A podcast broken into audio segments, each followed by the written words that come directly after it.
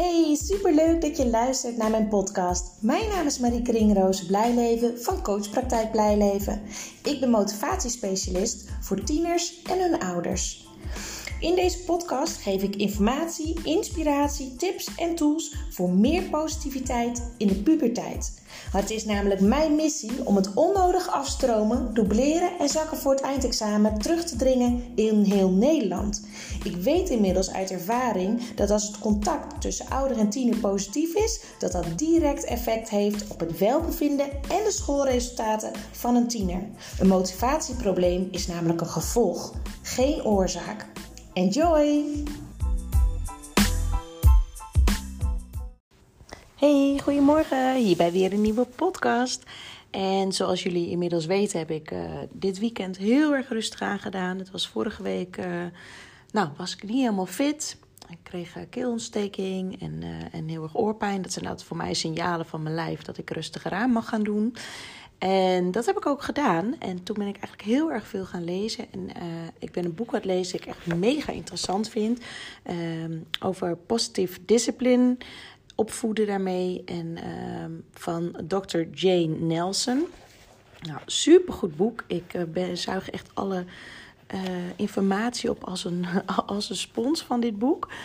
En in deze podcast wil ik jullie meenemen over een stuk waar ik ook al in mijn stories heb gedeeld. Um, ze, ze schrijft namelijk in dit boek, geeft ze aan dat er dat de plaats in de kindrij, dus op welke volgorde de kinderen geboren zijn, dat dat heel veel zegt over hoe een kind uh, handelt. En wat de betekenis is van je plaats in de kindrij, zodat je veel beter je kind kan begrijpen waarom ze bepaalde ideeën over zichzelf hebben en bepaald gedrag vertonen. En ik vond het zo inzichtelijk. Het heeft mij direct al wat gebracht. Uh, en nou ja, dat, dat wil ik jullie niet ontnemen. Dus ik zal daar ook een stukje over delen met jullie. En nou, ze hebben het dus bijvoorbeeld over uh, de oudste kinderen. En de oudste is heel duidelijk hè, wie de oudste is. En ze geven aan dat de oudste uh, heel dominant kan zijn, bazig, zelfverzekerd, perfectionistisch, kritisch, um, zich aanpast, ordelijk, competitief, onafhankelijk, risicovermijdend en conservatief. En um, even kijken hoor. En verantwoordelijk. Oh, ik zei zelfverzekerd, maar ik bedoelde verantwoordelijk. Het mooie is dat ik deze direct allemaal wel herken ook uh, bij mijn oudste zoon. En vooral die competitief ook en altijd de beste en de eerste willen zijn. Vooral vroeger had hij dat. Dat heeft hij nou helemaal niet meer zo erg. Of eigenlijk helemaal niet meer zo. En ik vond dat wel heel, heel interessant. En op zich is dat logisch, hè, want zij zijn uh, de eerste op rij. En zij zijn, de, uh, ja, ze zijn het eerste geboren. Ze gaan het eerst naar de school. Ze zijn met alles, ze moeten eigenlijk alles uh, ontdekken. Dus dat vind ik eigenlijk ook nog wel uh, te verklaren dat, dat dat bij de oudste zo is. Nou, dan heb je natuurlijk ook nog de jongste. Bij de jongste, die worden over het algemeen wat meer verwend. En daardoor ehm, ja, zijn ze eigenlijk vaak goed in anderen manipuleren. En dat is hun manier om zich belangrijk te voelen. Uh, en belangrijk te voelen doordat ze andere dingen laten doen voor hun. En daardoor voelen ze zich belangrijker. En hè, dat dus andere zaakjes voor hun opknappen. Ze zijn vaak uh, creatief en vrolijk. En uh, dat, die creativiteit en energie en intelligentie, die stoppen ze vaak in op een charmante wijze mensen uh, ja, dingen voor hun te laten doen. En het mooie is dat, of het mooie, nee, het, interessante vind ik, dat deze groep, hè, de, de jongste kinderen, die kunnen ook dus eigenlijk te veel verwend worden. En dan kunnen ze het als oneerlijk gaan ervaren als er niet voor ze gezorgd wordt. Uh, of dat ze niet krijgen wat ze willen. En ze voelen zich dan vaak gekwetst. Eh, door oneerlijkheid, hè, door die oneerlijkheid te vinden dat ze het recht hebben om boos te worden, om medelijden met zichzelf te hebben of om wraak te nemen op een manier die destructief of pijnlijk is voor anderen. Ze kunnen gaan denken: ik voel me geliefd als anderen voor me zorgen. En die vond ik heel interessant. En ik moest direct denken aan mijn eigen jongste zoon. Um, waar, hè, want die, die kan best wel vaak uh, boos zijn. We noemen hem altijd dan framboos. Hè, van ben je weer framboos? En uh, dan kan hij zichzelf inderdaad ook best wel heel erg zielig gaan vinden. En ik vind dat altijd best ook wel uh, moeilijk dan als hij zich zo gedraagt. Hè? Dan, dan, ja, hij krijgt niet dingen vaak voor elkaar dan, maar ik vind dingen wel moeilijker om dan uh, ja, van hem te vragen of, of bij mijn standpunt te blijven. Maar daar ben ik wel heel bewust altijd mee bezig. Maar nu ik dit had gelezen, dacht ik: oh, dit is echt interessant. Want doordat hij dus, omdat hij de jongste is, toch op een bepaalde manier wordt benaderd, kennelijk, onbewust, voeden wij. Of voeden, ja, ik weet niet of het voeden is, maar hou je het wel in stand. Dus ik ben daar vandaag onder andere op gaan letten. En nou, hij was vandaag een beetje aan het, eh, aan het snotteren en aan het hoesten. Ik dacht, nou, ik heb geen zin in uh, onzeker gedoe over of hij wel of geen corona heeft. En wel of niet naar school mag. En nou ja, wel of niet inderdaad uh, besmettelijk is. Dus we gaan gewoon een PCR-test doen bij de GGD. We hadden al eerder zelf testen gedaan. Maar hij is echt panisch voor die testen. Hij vindt het allemaal heel naar en heel eng. Hij heeft het ook nog nooit eerder hoeven doen, behalve thuistesten. En als je dat weet, dat een kind dus op een bepaalde manier gaat reageren, dan. Ik weet niet hoe dat bij jullie zit, maar als ik heel eerlijk ben, heb ik dan niet zo snel de neiging om dat wel door te drukken, om maar zo te zeggen. Maar ja, dit was iets, het moest gewoon gebeuren. Dit was heel duidelijk. Dus ik was heel vastberaden. Uh, ik wist van tevoren, hij gaat huilen, hij gaat boos doen, hij gaat moeilijk doen, hij gaat uh, niet mee willen enzovoort. Maar we gaan het gewoon doen. En om hem duidelijk te maken uh, dat het gewoon moest gebeuren, heb ik ook gezegd: joh, ik snap dat je het heel vervelend vindt en dat je er tegenop ziet, dat je niet weet hoe het gaat. Maar het geeft wel duidelijkheid. Uh, als je dan moet niezen op school en we weten dat je geen corona hebt, dan hoef je ook niet bang te zijn als je niest dat je misschien corona hebt. Dan hebben we gewoon duidelijkheid. En dat heb ik allemaal heel gewoon rustig uitgelegd. En uh, er zat totaal geen twijfel in. Ik heb ook gewoon direct een afspraak gemaakt. En hij voelt dat natuurlijk ook. Dus hij merkt ook en voelde ook van oké, hoe ik ook doe, hoe ik me ook gedraag. Um, het heeft geen zin. Het gaat gewoon gebeuren. En ik merkte dat hij echt toen vragen ging stellen. Hoe ziet het daaruit en hoe gaan ze dat doen? En nou, ik ging mezelf voor de zekerheid ook maar laten testen, omdat ik uh, keelontsteking had, of keelpijn had.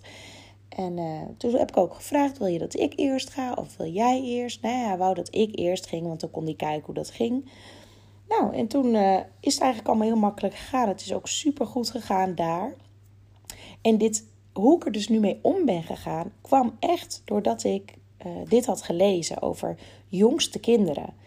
En nou, dit volgende stuk herken ik dan weer niet echt.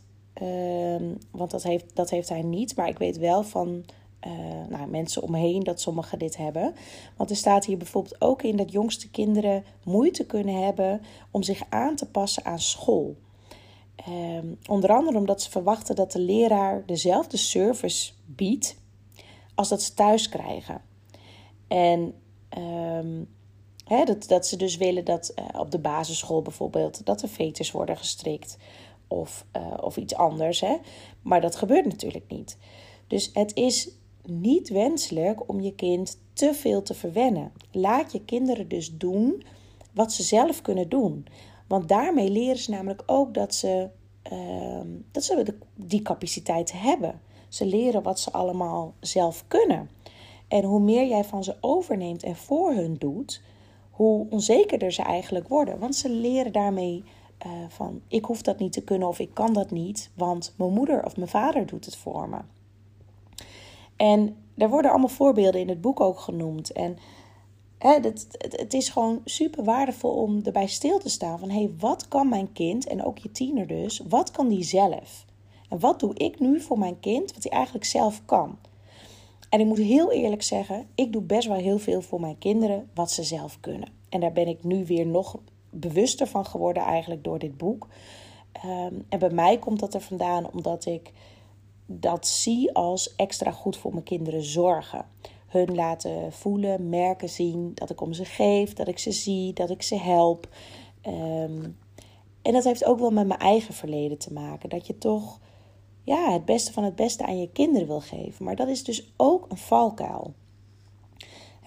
het is een valkuil dat je uh, denkt dat als jij veel voor je kinderen doet, dat je daarmee hun, hun helpt. Want uiteindelijk help je ze er dus minder mee. Want je maakt ze dus minder zelfstandig. Uh, en daar hebben ze het hier ook over. Hè? Waarom verwennen ouders kinderen terwijl het nadelig is voor het kind? Nou, dus onder andere omdat ouders denken dat het de beste manier is om hun liefde te tonen. Het is makkelijker, hè? sommige dingen gaan gewoon sneller. Het geeft ouders het gevoel onmisbaar te zijn. Ze denken dat dat is wat goede ouders doen. Ze willen hun kind een betere jeugd geven dan dat zij hebben gehad. Ze voelen zich onder druk gezet door familie en vrienden. Nou, dat zijn de redenen waarom ouders dus hun kinderen verwennen of eigenlijk te veel voor hun kinderen doen. Terwijl het is zo waardevol om je kinderen te laten ontdekken hoe ontzettend bekwaam ze zijn. want als je dus. Ehm, ja, hier staat ook van in volwassen leeftijd kan het zijn dat deze kinderen denken dat ze iedereen moeten inhalen en voor, voor moeten zijn om van belang te kunnen zijn. Zij worden volwassenen die nog steeds bezig zijn met hun betekenis te bewijzen door meer te doen dan nodig is. Die vond ik echt wel interessant. Dus als jij uh, je kinderen meer wil laten ontdekken hoe bekwaam ze zijn, meer hun eigen ding uh, wil laten doen. En je vindt dat lastig omdat je weet dat er weerstand komt of, of hè, dat, dat ze uh, verdrietig erom zijn, dat ze proberen jou om de vinger te winden of wat dan ook. Hè? Om, om toch voor elkaar te krijgen wat je eerst altijd voor hun deed, om dat nog steeds te doen. Vertel jezelf dan dat je hun helpt om te ervaren hoe bekwaam ze eigenlijk zijn. En dat ze dus daarom ook later, als ze volwassen zijn, niet het gevoel hebben dat ze moeten bewijzen dat ze van betekenis zijn. Maar dat ze gewoon weten: oké, het is, het is oké zo, het is, het is goed. Um, dus de oudste, die heb ik net al genoemd. Hè, en, de, en de oudste kan dus een verkeerde conclusie trekken. Um, dat hij dus het idee heeft dat hij altijd de beste en de eerste moet zijn. En dat hij altijd van belang moet zijn. En het jongste kind, vooral dat, dat verwennen dus, eh, hebben vooral het idee dat ze dus ja, de anderen uh, moeten, voor hun moeten laten werken, zeg maar. Dat zij het gevoel hebben dat ze geliefd worden. Um, doordat anderen voor hun zorgen. En als dat dus eventjes niet gebeurt en ze moeten het even zelf doen, hebben ze dus snel het gevoel dat, hè, gekwetst te zijn of, of achtergesteld te worden of wat dan ook. Dus dat is, dat is een hele interessante. Dan heb je ook nog het middelste kind. En het middelste kind is wat ingewikkelder natuurlijk, want je hebt uh, een middelste van, van drie, van vier, van vijf, van zes. Weet je, dat, het is net weer eventjes anders, maar even gemiddeld genomen. Uh, voelt het zich meestal een beetje in verdrukking in het midden. Zonder de privileges van de oudste en zonder de voordelen van de jongste. Dus een beetje net ertussenin. En die vond ik ook wel interessant. En dan hebben ze het ook nog over uh, enig kind. Dat dat afhangt van hoe ouders ermee omgaan. Of ze worden behandeld als, als het jongste kind. Hè, dat ze dus best wel verwend worden. Of uh, als het oudste kind. Dus dat hangt daar weer vanaf. Nou, er zijn natuurlijk ook nog uitzonderingen. Want ze vertellen ook dat als je een jongen en een meisje hebt... dat het ook weer zo kan zijn dat de, de jongen de oudste is van dat geslacht en het meisje de oudste van dat geslacht. Dus het is allemaal niet zo heel erg zwart-wit. Het is allemaal wat meer genuanceerd ook in het boek. Maar om het niet te ingewikkeld te maken, uh, wou ik alleen dit stuk met jullie delen. En daarnaast uh, wil ik jullie heel graag meenemen in het stuk over uh, bemoedigend en onmoedigend handelen. Want heel vaak hebben kinderen een bepaald idee. En achter dat uh, ja, dat idee dat zorgt dan voor bepaalde gevolgen in het gedrag. En het, dat idee hoeft niet altijd te kloppen. Het kan bijvoorbeeld zijn dat een kind zich dus achtergesteld voelt. Of het idee heeft dat zijn ouders uh, meer van het broertje of zusje houden dan van hem. En daardoor bepaald gedrag gaan vertonen. Deze hoor ik trouwens heel erg vaak in mijn werk. Dat, dat uh, als er uh, nog een broertje of zusje is, dat de een wordt voorgetrokken. Dat de ouders daar meer van houden. Dat hij veel meer mag en minder straf krijgt. En, enzovoort. En dat zijn ouders minder boos worden erop. Misschien herken je het zelf ook wel. We hebben het hier thuis ook wel gehad trouwens hoor, die vergelijking dat de jongens dat, dat hebben gezegd. En bij onze jongens zit er vijf jaar tussen qua leeftijd. Dus dat is, dat is best wel een groot gat. En dat zorgt er dus ook voor dat de een eerder naar bed moet dan de ander. En uh, de een bepaalde films wel mag zien en de ander nog niet. Nou, dat soort dingen. Dus het is allemaal vanuit volwassen perspectief wel te verklaren. Uh, maar voor het kind is dat soms anders. Dus zij, zij hebben de ideeën in hun hoofd die niet altijd kloppen. En door dat idee kunnen ze op verschillende manieren reageren. En in het boek geven ze verschillende manieren ook aan hoe, je, hoe ze kunnen reageren. En die herken je wellicht ook uh, thuis of van je kinderen. Uh, dat kan zijn overmatige aandacht, dus de verkeerde overtuiging. Ik hoor er alleen maar bij als je aandacht aan mij schenkt.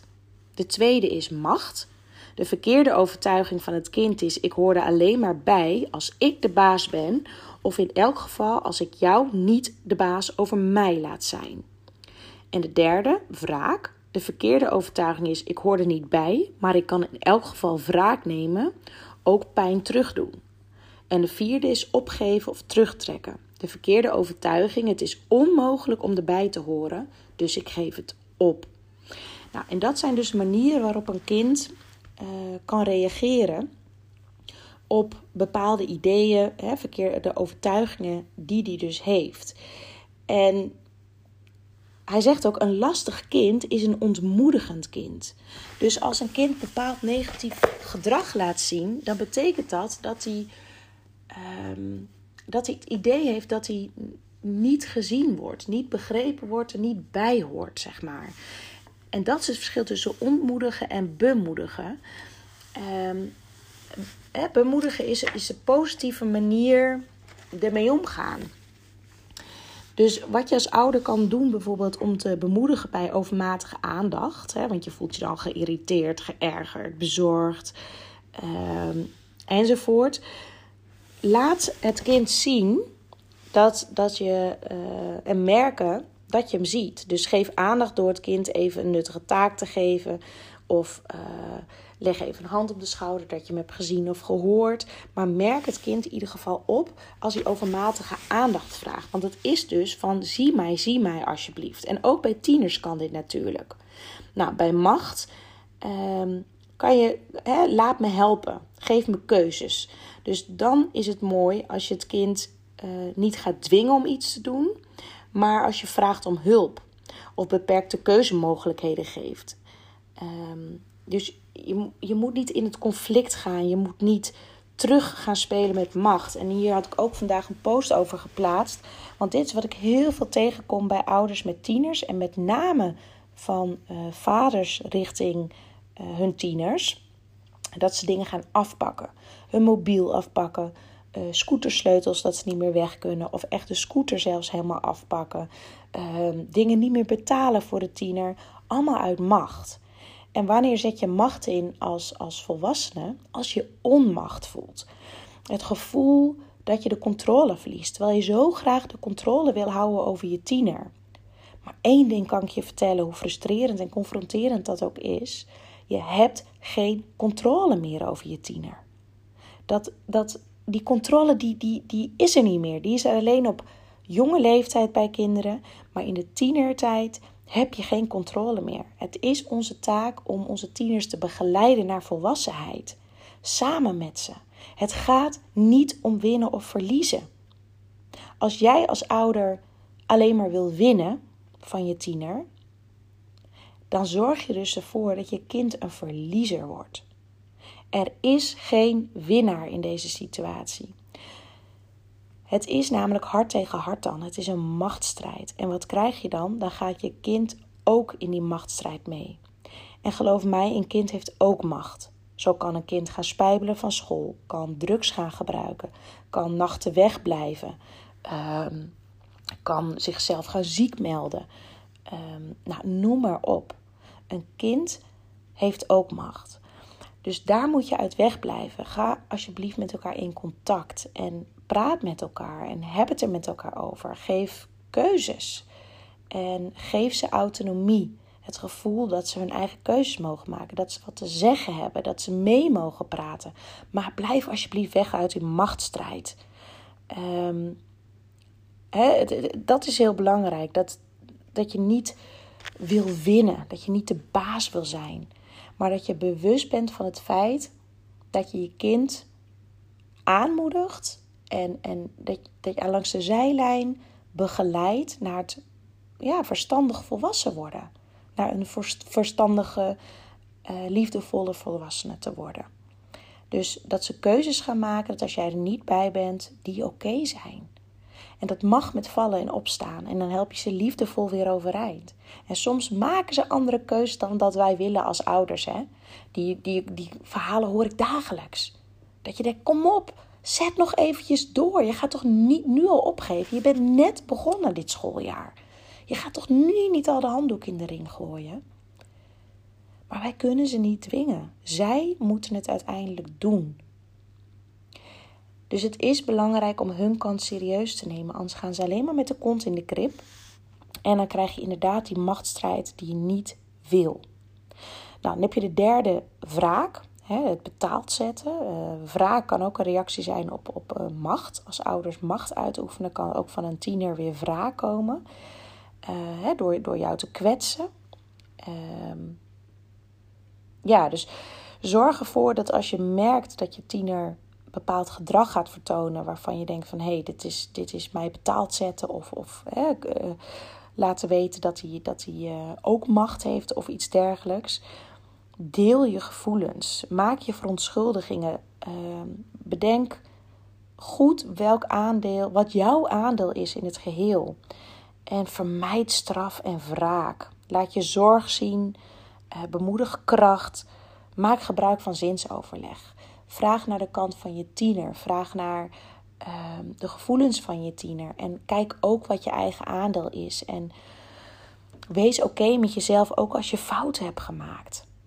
Want wat is er nou mooier dan je tiener meegeven dat ook jij als ouder niet alles goed doet? Je leert je kind daarmee dat iedereen fouten maakt. En van fouten leer je. En van fouten maken word je uiteindelijk steeds beter.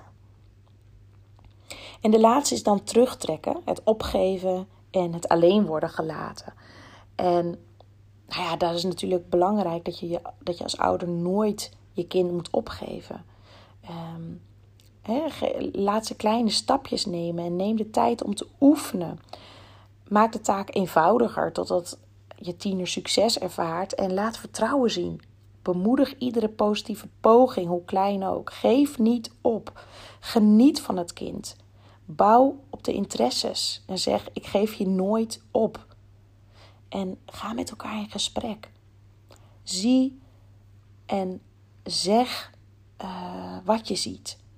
Laat je tiener weten dat je ziet dat hij wanhopig is, dat hij zich hopeloos en hulpeloos voelt en dat hij denkt dat het allemaal niet meer lukt. Maar geef het vertrouwen. Een kind heeft in ieder geval één iemand nodig die volle vertrouwen in hem heeft. En dat is onze taak als ouder. En als je deze vier weet en bewust bent van hé, hey, mijn kind zit nu in dit gedrag. Het is altijd met de bedoeling om erbij te horen. Elk kind, elk mens, elke persoon wil erbij horen. Dus overmatige aandacht vragen, macht, wraak, terugtrekken. Het zijn allemaal signalen om te laten weten: ik wil erbij horen, maar ik weet niet hoe ik het moet doen. En daarom is het zo belangrijk om heel bewust te worden en samen uit te zoeken wat er achter bepaald gedrag voor boodschap zit. Wat wil de tiener jou vertellen? Of het nou de oudste, de middelste of de jongste is, of het nou om overmatige aandachtsvragen gaat, macht, wraak of terugtrekken. Het heeft allemaal dezelfde boodschap. Erbij willen horen. En dan zeg ik niet dat je alles moet goedkeuren, maar zeker niet afwijzen en ontmoedigen. Um, ik ben benieuwd of jullie hier wat mee kunnen. Ik vond het in ieder geval hele mooie informatie. En misschien denk je nu wel bij jezelf: oh, nu vallen de kwartjes. En zo heb ik ook dat mijn, mijn, uh, bij bepaalde tieners dat ik zeg, jeetje, die lijken op elkaar qua, qua karaktereigenschappen en qua gedrag. En dan nu valt het kwartje, oh, maar dat komt dat ze allebei de oudste zijn. Of allemaal de oudste zijn. Of allemaal de jongste. En dat is, dat is een hele mooie. Want dan kan je misschien de boosheid verklaren. En de, de, de frustratie en het, en het slachtofferrol als ze niet hun zin krijgen. En dat ze daardoor vaak misschien wel de zin hebben gekregen. En dat kan je dus doorbreken. Als je dit dus weet, dan kan je het begrijpen en dan kan je dat doorbreken en dan kan je het met elkaar bespreken. Oké, ik ga er weer mee stoppen. Ik ga ehm, eh, morgen, want het is nu zondagavond, ik ga morgen een podcast opnemen met iemand die uh, coacht puber, even, nee, sorry, bonusgezinnen, bonusfamilies. En die komt woensdag online. Dus als je dat interessant vindt, zou ik zeker woensdag weer luisteren. Ik wens jullie een hele fijne week en wees een beetje lief voor elkaar. Doei doei!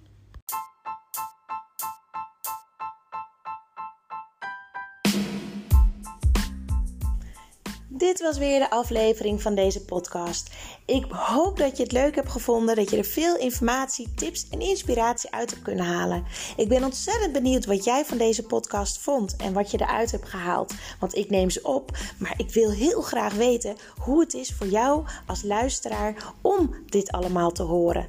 Wil je mij dat laten weten via een persoonlijk berichtje? Dan vind ik dat hartstikke leuk. Wil je andere ouders motiveren, stimuleren? En inspireren met deze podcast, deel het dan op social media.